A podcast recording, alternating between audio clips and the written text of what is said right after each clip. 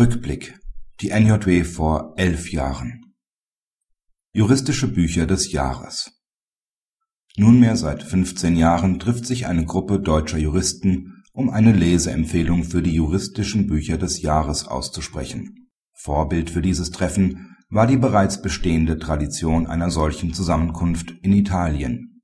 Müssten sich die Kriterien erst noch bilden, so Gerhard Dilcher in der ersten Leseempfehlung in der NJW NJW 1995, Seite 234, Seite 235), zeichnete sich bereits nach wenigen Jahren ein Kriterienkatalog für die Auswahl der juristischen Bücher des Jahres ab. (Dilcher, NJW 1998, Seite 3690). Erstens Thematik mit Bezug auf das Gemeinwohl oder die Rechtskultur.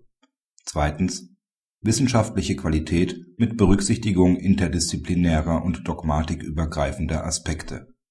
drittens literarische, darstellerische und sprachliche Qualität.